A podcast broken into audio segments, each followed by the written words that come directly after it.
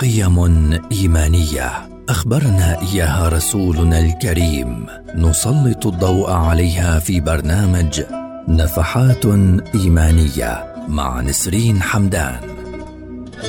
برنامج نفحات إيمانية يأتيكم خلال شهر رمضان المبارك في مثل هذا الموعد عبر أجيال.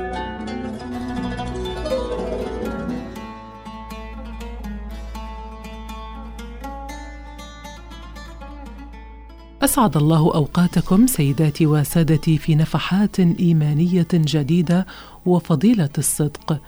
يعرف الصدق اصطلاحا بأنه الإخبار عن الشيء بحقيقته وعينه كما هو عليه وهو نقيض الكذب. ويمكن تعريف الصدق أيضا بأنه وصف الشيء والإخبار عنه بالقول المطابق لحقيقته وصفته.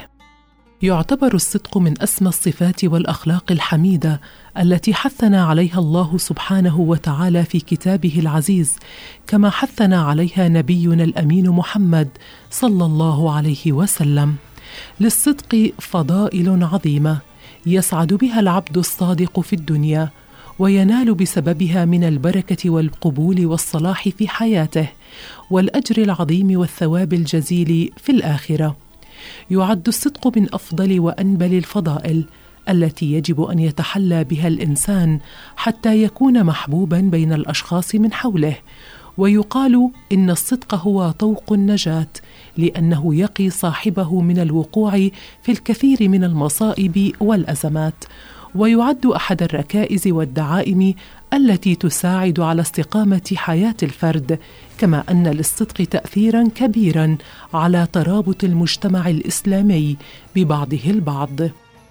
فهو يعمل على زيادة المحبة بين أفراد المجتمع ويحثهم على التعامل بصورة حسنة فيما بينهم وهو ما يؤدي إلى صلاح كافة العلاقات الاجتماعية بين جميع الأفراد.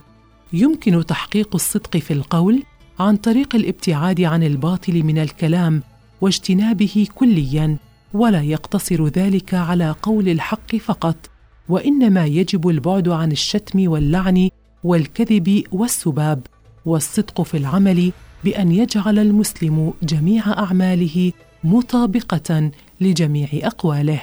مستمعينا الكرام لنتذكر جميعا أن الصدق يهدي إلى البر وأن البر يهدي إلى الجنة. سيداتي وسادتي دمتم بخير وإلى اللقاء.